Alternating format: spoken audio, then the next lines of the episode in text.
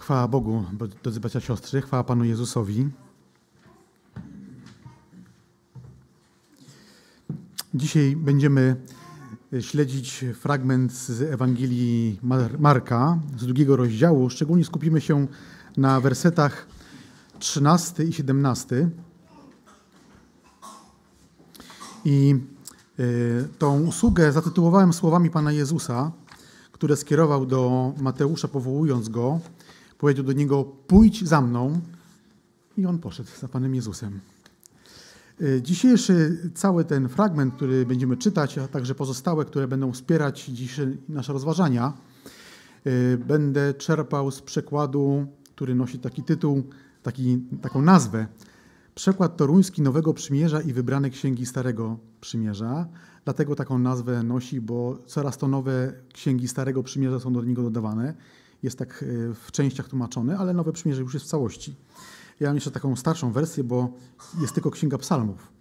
Ale na nasze rozważanie dzisiaj wystarczy. Będziemy mogli dzisiaj znowu dzisiaj się sycić sercem Pana Jezusa, które widać w Jego łaskawości, w Jego charakterze, w jego współczującym podejściu do grzesznika, nawet w tym, że niektórzy ludzie, którzy mieli z Panem Jezusem relacje, sami siebie uczynili jego wrogami, ale Pan Jezus i tak chciał ich zbawienia. Nie walczył z nimi, ale chciał ich pozyskać. Przejdźmy teraz do tej Ewangelii. Marka, drugi rozdział, od pierwszego do 17 czytamy, żeby był cały kontekst tego dzisiejszego fragmentu. Przygotowaliśmy też z braćmi y, fragmenty, są, wszystko działa bardzo dobrze. I po kilku dniach ponownie przyszedł do Kafarnaum i usłyszano, że jest w domu. I zaraz zeszło się tak wielu, że nie mogli zmieścić się nawet przed drzwiami i zaczął im głosić słowo i przyszli do niego, do niego niosąc paraliżowanego, a niosło go czterech.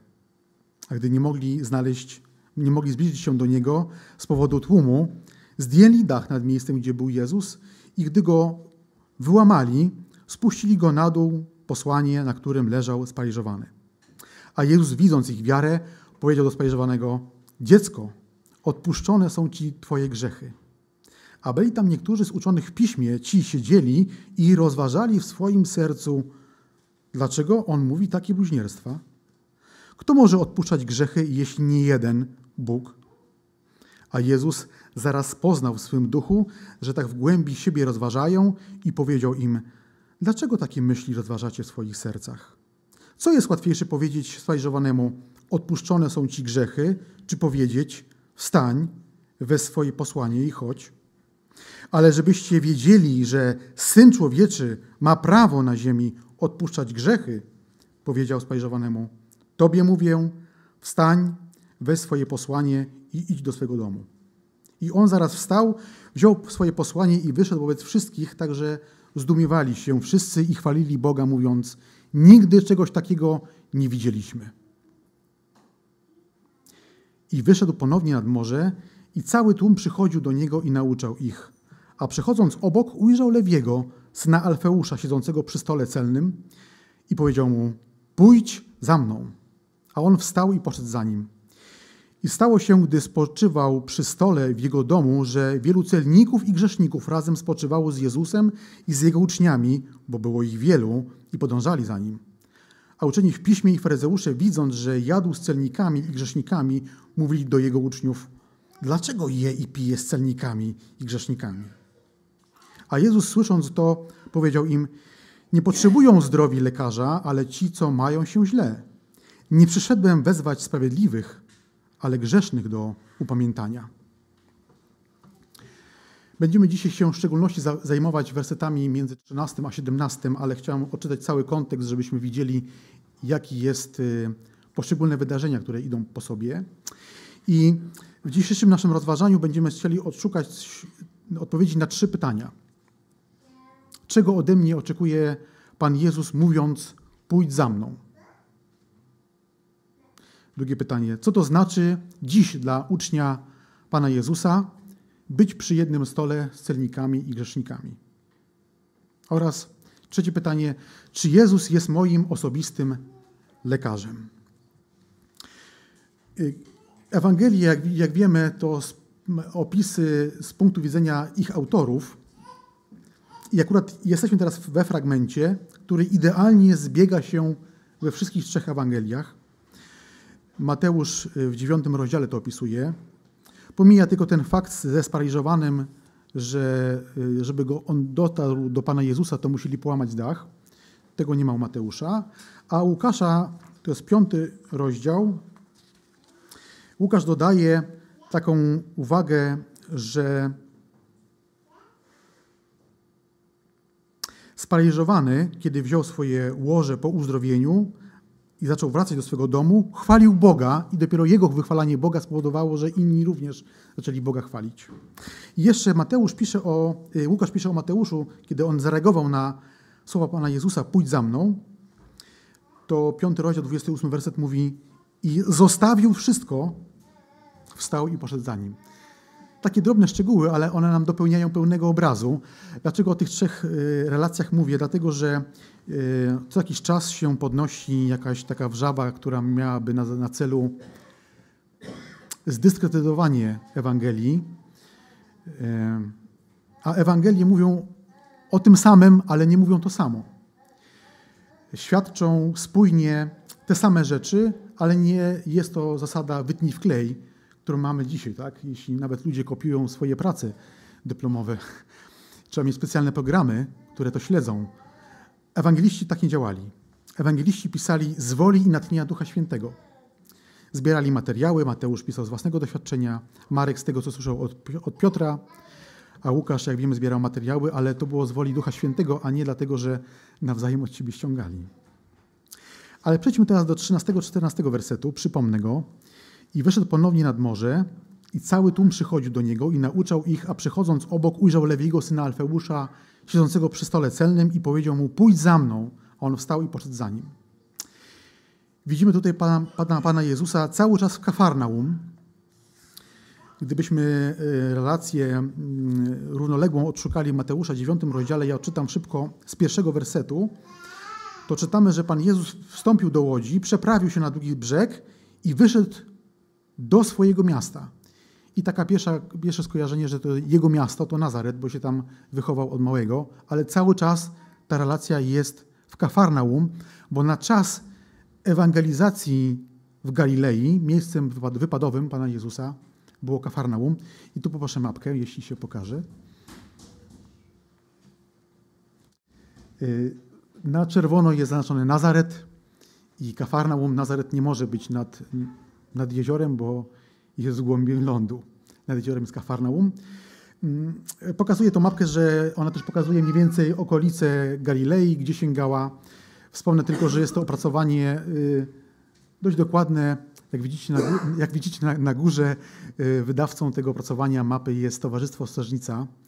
Mm, mam inne, inne mapy, ale postanowiłem skorzystać z tego. Dziękuję za mapkę. Pan Jezus, czytamy, wyszedł nad morze i cały tłum do niego przychodził i nauczał ich. Być może to było znowu z łodzi, być może nie. Y, y, warto zauważyć, że pewien komentator Pisma Świętego profesor hermeneutyki biblijnej, czyli interpretacji biblijnej, Bob Atlee, w swoim opracowaniu I Ty możesz zrozumieć Biblię. Jego opracowania są możliwe do pobrania w wersji PDF bezpłatnie na stronie freebible.com, freebiblekomentary.org, tak się to nazywa. I w kontekście tego sformułowania, które tu czytaliśmy, cały tłum przychodził do niego i nauczał ich. Są takie cztery zdania jego komentarza. Jezus zawsze miał na, na czas na nauczanie Ewangelii i okazywanie troski. Dlatego zwykli ludzie bardzo go kochali. I najważniejsze zdanie z tego komentarza, według mnie w tym kontekście, był zupełnie inny od świętoszkowatych, osądzających, wykluczających przywódców religijnych. Skoro był przystępny, to nic dziwnego, że ludzie go kochali. Ale w Kafarnaum jest szczególnym miastem, o czym już mówiliśmy wcześniej. Mianowicie Pan Jezus jest tam dłuższy czas, bo używa tego miasta do głoszenia Ewangelii w Galilei. I zapewne dobrze sobie zdaje sprawę, że jego ewangelizacja w tym mieście nie spowoduje, że całe miasto się zerwie i pójdzie za nim. Nie miało to miejsca. Powołał tam kilku uczniów. O pięciu wiemy. O, wiemy o rybakach, kiedy powoływał je właśnie w Kafarnaum i wiemy o Mateuszu. Ale mimo to, że wiedział o tym, że to miasto nie zerwie się w powszechnym takim nawróceniu, to cały czas ofiarował siebie tym ludziom, nie szufladkował ich, nie, myśli, nie wychodził z założenia, a z nich i tak już nic nie będzie, e, tylko dalej, dalej im świadczył o Ewangelii. Werset 14, część A czytamy, a przechodząc obok ujrzał Lewiego, syna Alfeusza, siedzącego przy stole celnym. I w tej części będziemy chcieli poszukać odpowiedzi na pytanie, czego oczekuje Pan Jezus od, od nas, mówiąc, pójdź za mną. Lewi to imię znaczy przyłączony e, z hebrajskiego. I wiemy, że Mateusz został nazwany później Lewim. Nie wiemy, czy to Pan Jezus zmienił imię tak samo jak Piotrowi, z Szymona na Piotra, czy to było jego imię nadane przez rodziców. To nie ma większego znaczenia. Ma znaczenie to, że e, taka musi coś ciekawostka, że z hebrajskiego imię Mateusz, Matis Jahu, jeśli dobrze to wymawiam, to znaczy dar Jahwe. Jakże piękne imię. Ale widzimy, że dar Jahwe, Mateusz siedzi przy stole celnym. Przy stole celnym, w którym pracuje dla okrutnego, znienawidzonego okupanta, narodu wybranego. Dlatego nie dziwi nas, że e, celnicy byli wielce pohańbieni w oczach Żydów, bo wykonywali pracę właśnie dla kogoś, kto ich ciemiężył. Celnika, praca celnika była o tyle szczególna, że żeby być celnikiem, to trzeba było kupić y, koncesję celną od Rzymu, czyli zainwestować swoje własne środki. Ale było to bardzo intratne zajęcie, dlatego wykonywali je, wykonywali je Żydzi y, wobec swoich pobratymców. Takie kilka krótkich informacji. Celnicy się dzielili na dwie grupy. Jedna grupa pobierała takie opłaty stałe, można powiedzieć, od stałych nieruchomości, od dochodów, od gruntu własności, a druga grupa pobierała podatki od y, na przykład opłat drogowych czy cło przewozowe, czy koncesje dla kupców. O, jeszcze taką mam notatkę. I ta druga grupa dzieliła się na dwie jeszcze mniejsze grupy. Na takich, podatników, takich po prostu podatników, którzy mieli swoje własne agencje, czyli swoich ludzi, którzy po danym terenie poruszali się i pobierali opłaty, i takich jak Mateusz, który siedział przy swoim stole celnym, i taki mniejszy pobarca podatkowy, którego nie było stać na to, żeby utrzymywać agencje celne. I sam pobierał podatki. Ale czy to był ktoś, kto pobierał, y, no, był bogatszym celnikiem, czy bardziej mniej zamożnym, to wszyscy oni cudzysłowie cieszyli się pogardą u, Żydów, wielką pogardą, bo wysługiwali się Rzymowi. Bogacili się kosztem swoich braci. Byli zdrajcami wobec pobratymców. Ale nie było y, też, to, to nie powodowało, że były problemy z tym, żeby tacy poborcy podatkowi pobierali podatek na rzecz Rzymu. To było bardzo intratne zajęcie, dające stałe, duże dochody, ponieważ wszystko, co należało odprowadzić do Rzymu, wszystko, co ponad, było ponad to, to poborca podatkowy mógł sobie zatrzymać dla siebie. A ceny były, czy opłaty były w zasadzie niejednolite, można było je, y, powiem tak, konfigurować i to dawało duże możliwości zarobkowania. I oto ten znienawidzony, ten tam, co siedział przy stole, być może tak oni myśleli Żydzi, do niego Pan Jezus mówi: Pójdź za mną. Do tego grzesznika, oszusta i naciągacza. Pan Jezus mówi: Pójdź za mną. Już to pójdź za mną słyszeliśmy przy okazji y, pierwszego rozdziału, kiedy Pan Jezus spotyka ludzi z podspólstwa, rybaków, do, których mówi chodźcie za mną. I to są ważne informacje, dlatego że rybaków nigdy by rabin nie powołał do tego, żeby byli jego uczniami. Y, to się nie zdarzało, żeby nauczyciel żydowski powoływał ludzi z gminu, czyli z pospólstwa, a tym bardziej grzesznika czy celnika, takimi jak właśnie był Mateusz. Co więcej, nauczyciele żydowscy powołali ludzi, tych, którzy chcieli być powołani też, to trzeba warto zauważyć, żeby oni wiązali się z zakonem, e, mojżeszowym, a bardziej im chodziło o to, rabinowi, żeby wiązali się ci ludzie z tym, z nauczaniem, które prezentował, czyli z Talmudem. Pan Jezus natomiast nie powołuje uczniów, żeby się wiązali z prawem czy z jego przykazaniami. To jest za mało. Pan Jezus powołuje ludzi i mówi ich: pójdźcie za mną, zwiążcie się ze mną. I to było pewnie bardzo szokujące dla uczonych piśmie i faryzeuszy. To też było powodem y, konfliktu, który między Panem Jezusem a faryzeuszami się rozgrywał na, na kartach Ewangelii. O tym już wspomnieliśmy przy okazji drugiego rozdziału, piątego wersetu i szóstego. O tym też wspomnę przy okazji, jak dotrzemy do szesnastego wersetu, także nie będę tego rozwijał. Ale zajmiemy się teraz tym, jak, jak mm, Mateusz zareagował na wezwanie Pana Jezusa. Wstał i poszedł za nim. To jest bardzo prozaiczna czynność. Po prostu wstał i poszedł.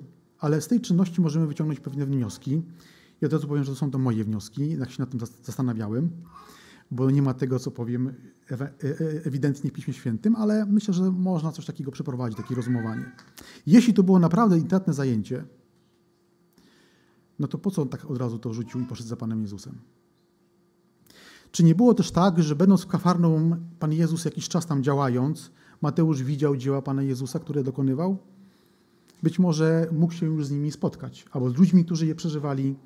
Pewnie nie mieszał się w tłum, tak jak Zacheusz, który się nie mieszał w tłum, tylko wszedł na drzewo. Być może w tłumie nie czułby się komfortowo albo bezpiecznie, ale na pewno o Panu Jezusie już słyszał. Czy to możliwe, żeby to, co usłyszał o Panu Jezusie z jego dłuższego czasu działalności, zapracowało już w sercu Mateusza po to, aby był gotów do nawrócenia? Być może. To jest takie moje przypuszczenie. Ale z całą pewnością to, co zrobił Mateusz, wymagało od niego radykalnego postępowania. Wymagało od niego poświęcenia i wielkich kosztów. Całkowitego zrezygnowania z dotychczasowego życia i z jakości tego życia. Musiał to porzucić. Co może się stać z człowiekiem, który odpowie pozytywnie na, Pana, na wezwanie Pana Jezusa, pójdź za mną? Trudno to przewidzieć. No, w przypadku Mateusza stało się bardzo dużo. W połowie lat 50. zeszłego wieku kilku misjonarzy postanowiło głosić Ewangelię w Ekwadorze, plemieniu, które było znane, może inaczej powiem, było nieznane, jedno z najbardziej nieznanych plemieni, plemion Ekwadoru i jedno z najbardziej agresywnych, nie tylko wobec obcych, ale również wobec siebie. Ich kulturą wewnętrzną było to, że jeśli ktoś komuś zaszedł za skórę, to pomsta polegała na zabiciu przeciwnika i tam pomór był duży. Nieważne, czy to była kobieta, czy mężczyzna. I temu plemieniu, plemieniu Waorani, tak się nazywa ono, misjonarze postanowili głosić Ewangelię. Oczywiście przygotowali się, nie poszli tak na hura, tylko to było przemyślane. Uczyli się tej kultury, języka i było to pięciu mężczyzn, Ed McCallie, Roger Jugeria, Pete Fleming, Nate Saint i Jim Elliot. Chyba tego ostatniego najczęściej znamy. Y, tak, zaraz będziemy o, to, o, tym, o tym mówić. I kiedy oni nawiązali kontakt z tym y, plemieniem, to y, było to bardzo przyjacielskie, dlatego że oni przyszli do nich, część wojowników tego plemienia, y, nawiązał się jakiś kontakt, oni byli bardzo zainteresowani tym, co mają ci misjonarze, oglądali bardzo dokładnie chociażby ich samolot trzyosobowy, taki turystyczny mieli do dyspozycji. I wyglądało na to, że można im ewangeliz ich ewangelizować, można do nich przyjść i mówić im o Chrystusie. Ale 8 stycznia 1956 roku dziesięciu, wojowników Huaroni odwiedziło po raz kolejny misjonarzy i wszystkich zabili. Y, no, zabili tym, co mieli pod ręką, a pod ręką używali dzit i podobnych przedmiotów do polowania. Ale ciekawostką jest to, że misjonarze mieli przy sobie gotową do użycia broń palną więc mogli łatwo sobie poradzić. Ale wcześniej postanowili, że nie będą się nią bronić wobec ludzi tych, którym postanowili głosić Ewangelię. Mieli ją po to, bo no, dżungla to dzikie zwierzęta, tak? To mieli ją po to. I nie użyli tej broni i wszyscy zginęli.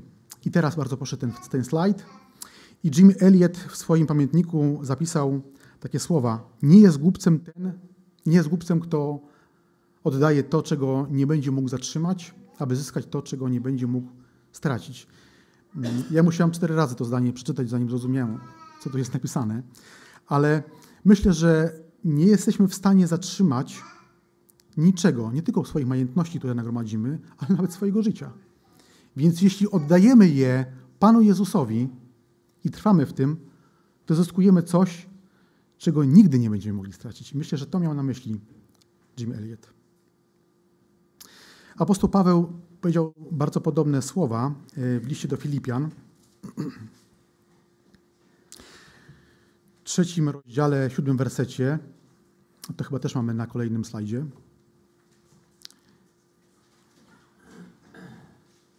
Ale to, co mi było zyskiem z powodu Chrystusa, uznaję za szkodę.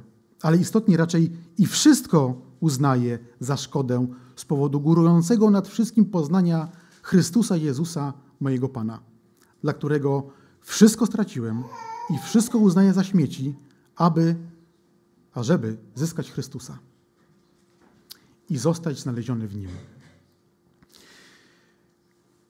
Ewangelii Łukasza są, są, jest wypowiedź Pana Jezusa, która jakże podobnie brzmi do tego wniosku, do którego doszedł apostoł Paweł. 9, 23, 24. I mówił do wszystkich, jeśli kto chce pójść za mną, niech się wyprze samego siebie i niech weźmie swój krzyż codziennie i niech idzie za mną, albowiem kto chce zachować swoje życie, straci je, a kto straci swoje życie dla mnie, ten je ocali. I myślę, że to jest zawarte też w tym, co powiedział Jim Elliot. Nie ma straty życia, jeśli chodzę z Chrystusem. Nie ma straty niczego, jeśli chodzę z Chrystusem, a tak naprawdę jest zyskanie więcej niż mógłbym sobie wyobrazić. Aby zyskać Chrystusa, pisze apostoł Paweł, z tej kazalnicy już wielokrotnie słyszeliśmy to wezwanie. Myślę, że zanim pojawiłem się w tym kościele, to ono było już przez lata powtarzane. I jestem pewien, że nie usłyszymy nic więcej. Jest to z jednej strony bardzo, bardzo smutne i nudne, no bo tylko tyle, pójść za Chrystusem, ale to jest wszystko, co głoszą chrześcijanie. Pójść za Chrystusem. I może dokończę w dwóch zdaniach tą sytuację z tymi misjonarzami. Mm, albo jeszcze taka, takie mm, zastanowienie się nad swoim życiem. Brat Roman wspomniał o Johnie Newtonie, który był y, bardzo doświadczony przez Boga, żeby doszedł do tego, do, do czego doszedł w Chrystusie. Y, dzisiaj też słyszeliśmy, jak Piotr czytał w szóstego rozdziału z Ewangelii Mateusza i Jakuba jesteście tylko parą. Paweł, tak, dobrze mi pokazujesz, Paweł, przepraszam. Słyszeliśmy też z szóstego rozdziału Mateusza, werset 30, 33. Mówię o tym dlatego, że te słowa mnie o tyle dotknęły, że e, w ostatnim czasie, zmieniając pracę, wszystko się bardzo ładnie układało, ale zaczęły się jakieś komplikacje. Miałem wrażenie, że stoję na betonie, okazało się, że to jest piasek. Ale ten piasek jest tylko i wyłącznie w moich własnych oczach, dlatego że kiedy dzisiaj czytałem te, ten fragment z Mateusza, szóstego rozdziału, to Pan Jezus mówi: Szukajcie najpierw królestwa nie martwcie się o jutro. Ja się martwiłem o rzeczy, które będą za miesiąc. A przecież jestem tylko parą. Trochę za daleko. Znaczy, to nie znaczy, że nie, mam, nie mogę planować czegoś za miesiąc i dalej, ale martwić się aż tak bardzo, żeby stracić grunt pod nogami. I myślę teraz w kontekście tych słów apostoła Pawła, aby zyskać Chrystusa i Pana Jezusa, aby nieść swój krzyż codziennie, zastanawiam się, jak bardzo i jak daleko jestem w stanie pójść za Jezusem. Jak, stanie, jak daleko jestem w stanie pójść za moim Panem. Też w kontekście tych misjonarzy. Oczywiście nie chodzi o to, żeby kopiować ich zachowania, bo nie mamy takiej możliwości. Ale te, które mamy, żeby, żebym mógł ocenić, czy idę za Panem Jezusem z całego serca. No i dokończę tą opowieść może o tych pięciu misjonarzach. Oni zginęli oczywiście, natomiast już w 1958 roku, czyli trzy lata później, Rachel Saint, jedna, jedna, żona z jednego z zabitych i żona Jima Elieta, Elizabeth, też jednego z zabitych żona, i jej trzyletnia córka Valery rozpoczęły ewangelizację, a w zasadzie nie rozpoczęły, kontynuowały ewangelizację w tym plemieniu. I więcej nie powiem, to można znaleźć w trzech książkach. Podam tytuły tych książek. Jeden wielki cel w cieniu wszechmogącego albo radość uległości. Tam jest dokładnie opisane y, ta biografia tych, y, tych sióstr. Teraz przejdźmy do 15 wersetu. I stało się, gdy spożywał przy stole w domu w jego domu, że wielu celników i grzeszników razem spożywało z Jezusem i z jego uczniami, bo było ich wielu i podążali za nim. Tutaj jest drugie pytanie, będziemy chcieli poszukać na nie odpowiedzi. Co to znaczy dziś dla ucznia Pana Jezusa, by być przy stole z celnikami i grzesznikami? Wiemy, że z historii, że ówczesny posiłek za czasów Pana Jezusa był przy takim bardzo niskim stole, wszyscy przy nim pół leżeli, twarzami zwróceni do siebie. Z jego był to taki stół w półkole za y, kształtu półkola, aby wszyscy biesiadnicy się mogli widzieć. I ten posiłek był wyrazem na Bliskim Wschodzie wspólnoty, jedności, akceptacji, przyjaźni. I też tutaj z tego płynie lekcja dla dzisiejszych uczniów Pana Jezusa. O ile to możliwe, powinniśmy przejawiać przyjaźń, inicjatywę, życzliwość, kierować się szczerą, otwartą przyjaźnią dla niewierzących, po to, żeby pomóc im przyjść do Chrystusa z sercem pełnym e, cierpliwości i szacunku, bo każdy ma różną, różną ilość czasu, czy długość drogi, aby dojść do, do Pana Jezusa. Oczywiście w tym pomocy trzeba pamiętać o tym, żeby samemu nie upaść, nie doprowadzić jeszcze innych do upadku, ale e, to jest, myślę, zadanie uczniów Chrystusa dzisiaj w tym kontekście spożywanie przy jednym stole z celnikami i grzesznikami, tym bardziej, że tak naprawdę wszyscy jesteśmy poniekąd celnikami i grzesznikami względem naszego Boga i Zbawcy. Chrystus uczy, by nie izolować się od świata, nie mieć z nim współudziału w grzechach, ale nie izolować się od świata, tylko być dla świata solą i światłem. Myślę, że solą można rozumieć na dwa różne aspekty. Sól daje smak, ale również jest konserwantem.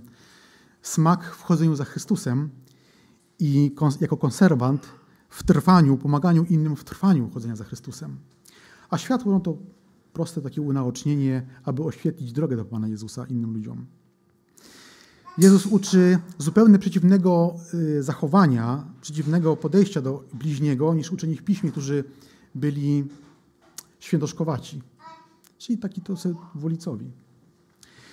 Myśleli o innych, y, uczeni w piśmie i faryzeusze, patrząc na to, co się działo w domu Mateusza, bo widzieli tam wielu grzeszników, którzy spożywało razem z Jezusem.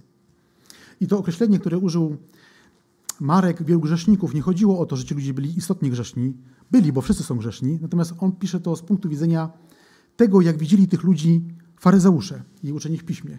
Widzieli tam grzeszników, beznadziejnych, e, jeśli chodzi o ich stan duchowy, e, rażąco odstawali od Talmudu i w zasadzie Pomoc, pomoc tym ludziom była bezcelowa. Nazywali tych ludzi lud ziemi. Takie bardzo ujmujące określenie. Widzimy, jak Jezus traktuje, traktuje grzeszników. Jada z nimi, można powiedzieć, że spodufala się w jakiś sposób, bo z nimi przebyła. Dlatego chrześcijanin, patrząc na wzór Pana Jezusa, nigdy nie może porzucać, porzucać nadziei co do czyjegoś nawrócenia. Nie porzucajmy nadziei nawet co do tych, którzy są pogrążeni w swoim stole celnym. Biorąc obraz y, Mateusza, ten stół celny może być różny, może, mogą być pogrążeni w swoich grzechach. Wydaje się, że z zewnątrz jest im dobrze. Ale czy Mateuszowi było dobrze, skoro nagle wszystko rzucił na wezwanie Pana Jezusa i za nim poszedł? Jest na tą nadzieję możemy wyrażać w nieustannej modlitwie za, za ludzi niezbawionych, za naszych bliskich, gdyż kto wie, co jeszcze może w życiu tych ludzi uczynić Bóg. Czy istnieje człowiek i czy kiedykolwiek istniał człowiek tak zły, którego Pan Jezus nie miałby mocy i łaski wyrwać z tego grzechu? To jest niedorzeczność. Dlatego należy się modlić o wszystkich. 16-17 werset. A uczeni w piśmie i faryzeusze, widząc, że jadł z celnikami i grzesznikami, mówili jeden do, drugi, do, mówili do jego uczniów: Dlaczego je i pije z grzesznikami i celnikami? Jezus, słysząc to, odpowiedział im: Nie potrzebują zdrowi lekarza, ale ci, którzy źle się mają. Nie przyszedłem wezwać sprawiedliwych, ale grzesznych do upamiętania. I w wersecie 16 Ewangelii Marka po raz pierwszy w tej Ewangelii spotykamy słowo faryzeusze czy faryzeusz. I w naszych czasach kojarzymy to z obłudnikiem, człowiekiem dwulicowym, takim zakłamanym. Yy, o, no, trudno takiego człowieka obdarzyć zaufaniem. Ale w czasach Pana Jezusa faryzeusz był ktoś inny. To byli ludzie bardzo podziwiani przez yy, ludzi, przez tak właśnie zwane pospólstwo, dlatego że oni byli bardzo radykalni w trzymaniu się Tory i Talmudu. Faryzeusz to w ogóle oznacza, to słowo oznacza w języku aramejskim oddzielony albo odseparowany. Właśnie oddzielony od tych, którzy tego nie robią, co oni robią, a oni bardzo skrupulatnie trzymali się przepisów prawa. I historycy tak mm, datują powstanie y, tego, tej myśli teologicznej, która tak ludzi skupiała wokół siebie, y, mniej więcej na czasy machabejskie. Y, jeśli dysponujemy w domu Biblią Tysiąclecia, to tam mamy księgi machabejskie, mamy ten czas opisany. To jest historia, która miała miejsce, ale nie są to księgi natchnione. Y, natomiast mm, sami faryzeusze nazywali sami siebie, swoją, y, swoj, swoją grupę, takim pięknym słowem towarzysze. A innych, jak wspomniałem wcześniej, lud ziemi po hebrajsku amchaarec, mało pochlebnie. I faryzeuszy też sobie kojarzymy z takich dwóch różnych szkół y, talmudycznych. Z konserwacyjnej szkoły y, Szamaja i takiej liberalnej, otwartej na świat szkoły Hilela. To tyle, jeśli chodzi o faryzeuszy. I tutaj widzimy w tym fragmencie, że faryzeusze, widząc, że jadł z celnikami i grzesznikami, mówili jej, do jego uczniów, dlaczego je i pije z celnikami i grzesznikami. To było szokiem dla tej elity, która się odseparowywała od reszty ludzi, że ktoś taki jak nauczyciel prawa, a tak postrzegali Pana Jezusa, przebywa w jednym pomieszczeniu i przy jednym posiłku z takimi niegodnymi po prostu ludźmi. Ale zastanawiałem się nad tym, dlaczego faryzeusze mówili to do uczniów. I można powiedzieć, że są tutaj jakby dwie dwa toki rozumowania. Jeden to taki, że byli na tyle przebiegli, że chcieli uczniów zniechęcić do Pana Jezusa, pokazując, zobaczcie, wasz nauczyciel je grzesznikami, więc gdzie wy jesteście? Ale drugi może być taki, że ze względu na swoją świętość, którą mieli takie mniemanie o sobie, chcieli powiedzieć Panu Jezusowi i uczniom, nie bratajcie się z nimi, oni są niegodni. Ale jeden i drugi tok rozumowania był, był błędny, bo ci ludzie tak bardzo się e, zakręcili wokół przestrzegania prawa i mieli takie wysokie mniemanie o tym, jak oni to robią, że zatracili miłość i zabieganie o bliźniego. I bardzo potrzebowali, tak samo jak grzesznicy, jak celnicy, tak samo faryzeusze, bardzo potrzebowali uzdrowienia od Pana Jezusa. Pan Jezus chętnie to im ofiarowywał.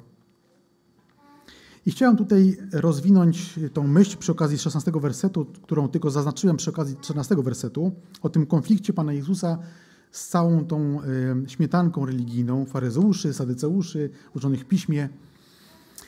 Ta, ten konflikt dotyczył charakteru Boga. To już widzieliśmy w drugim rozdziale 5 do 7 wersetu, kiedy Pan Jezus, zanim uzdrowił sparaliżowanego, to ogłosił jego e, rozgrzeszenie. No i niektórzy z nich pomyśleli, on bluźni. I jeszcze będziemy w kilku innych miejscach widzieć ten konflikt między faryzeuszami i Panem Jezusem, ale tak naprawdę, gdyby wejść w głąb tego konfliktu, to nie jest tylko między, konflikt pomiędzy ludźmi, którzy zajmują się jakąś teologią. To jest konflikt między ludzkością a Panem Bogiem.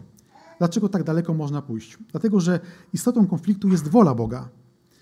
Wolą Boga jest, żeby każdy, kto chce się z Nim pojednać, zrobił to tylko i wyłącznie przez Pana Jezusa Chrystusa.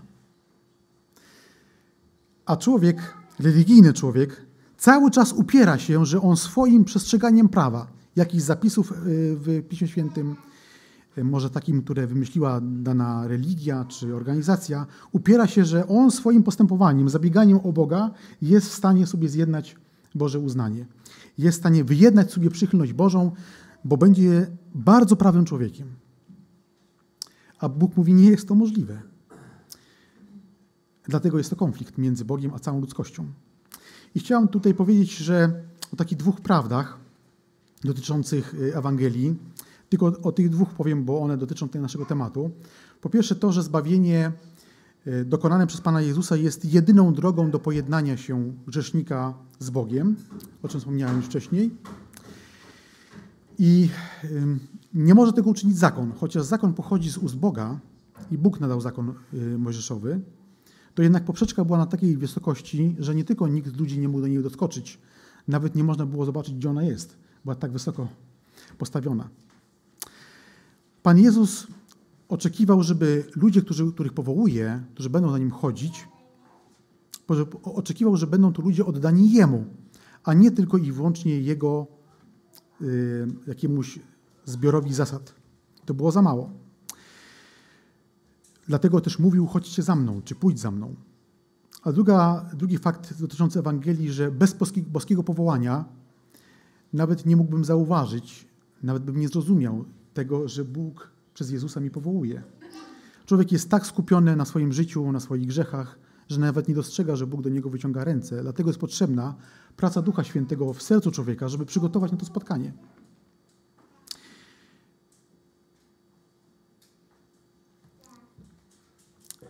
Powiedzieliśmy wcześniej, że tylko przyjęcie Pana Jezusa przez Jego zaproszenie pójść za mną jest jedyną drogą do zbawienia.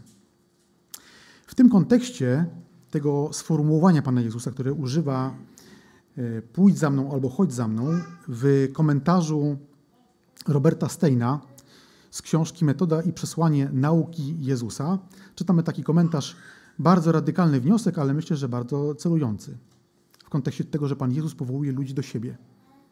W ustach kogokolwiek innego twierdzenie Jezusa wydawałoby się świadczyć o skrajnym egocentryzmie, ponieważ Jezus jasno wskazuje na to, że cały świat kręci się wokół Niego i że los wszystkich ludzi zależy od ich odrzucenia lub przyjęcia Jego osoby. Według Jezusa los ludzkości skupia się wokół Niego.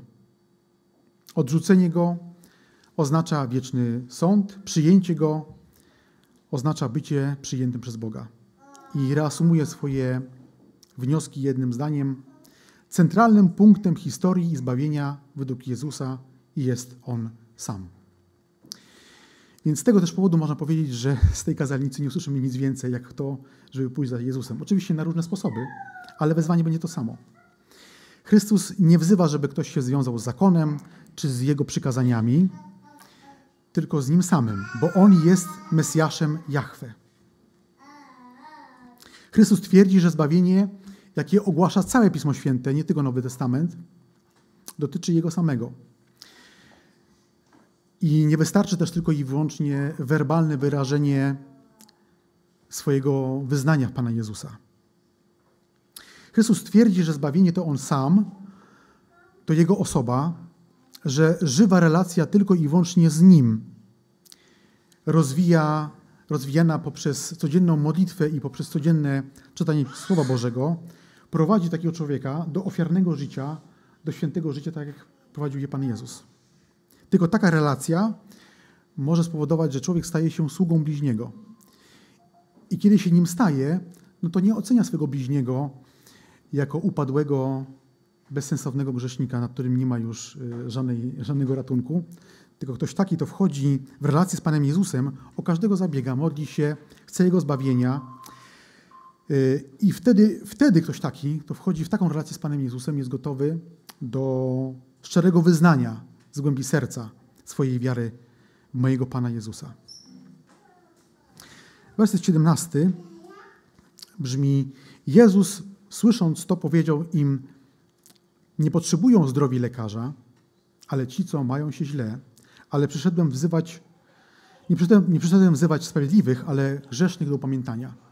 I tutaj rozpatrzymy na koniec to trzecie pytanie. Czy Jezus jest moim osobistym lekarzem? Uczeni, uczeni w piśmie i faryzeusze byli, jak wspomnieliśmy, przeświadczeni o swojej sprawiedliwości i świętości, dlatego o innych mówili, że to jest lud ziemi. I mieli za złe Panu Jezusowi, że On brata się z celnikami grzesznikami. Widzieli w Panu Jezusie co najwyżej nauczyciela, y, który robi błąd, bo się z grzesznikami brata. Ale Pan Jezus pokazuje siebie jako lekarza i ja bym chciał trochę ten obraz lekarza rozbudować. Pan Jezus mówi o sobie, że jest lekarzem, ale nie mówi o sobie, że jest trenerem czy dietetykiem, jakbyśmy powiedzieli dzisiaj. I nie może takim być. Dlatego, że człowiekowi, który jest upadły w grzechu, który grzech powoduje, że jest chory na chorobę, która go zabije na pewno, takiemu człowiekowi nie pomoże lepsza dieta, ekologiczne jedzenie albo gimnastyka poranna. Ten człowiek umiera. Trzeba radykalnych rozwiązań. Taki zestaw dobrych, mm, bożych przepisów pomógłby Adamowi w Eden. I on by to spełnił pewnie z lekkością, bo nie miał na sobie grzechu. Ale ktoś, kto umiera, potrzebuje radykalnych rozwiązań. Jezus jest y, specjalistą od przypadków beznadziejnych. To też takie słowo, które, określenie, które często słyszymy. Nie ma nikogo, do kogo Jezus nie mógłby dotknąć jako wielki lekarz i uzdrowić. Co więcej, Jezus chce uleczyć każdą duszę, która jest chora, przysiągnięta y, grzechem, złamana. Chrystus chce powrócić do życia każde, życie, każde serce, które jest szczerniałe i obrzodzone od grzechu. Pan Jezus mówi w kazaniu na górze, błogosławieniu ubodzy duchem. I ci wszyscy grzesznicy i celnicy, którzy z nim byli przy stole, oni już byli w tym miejscu. Oni sobie już zdali z tego sprawę, że są tak bardzo ubodzy w duchu, że potrzebują Zbawiciela. I już z nim spożywali. Chrystus też by chciał do tego stołu zaprosić faryzeuszy, tylko że oni nie chcieli przyjść. Czy kiedykolwiek odczułeś albo odczułaś okropność swojej śmiertelnej choroby grzechu? A czy już odbyłeś wizytę u swojego wielkiego lekarza? Amen.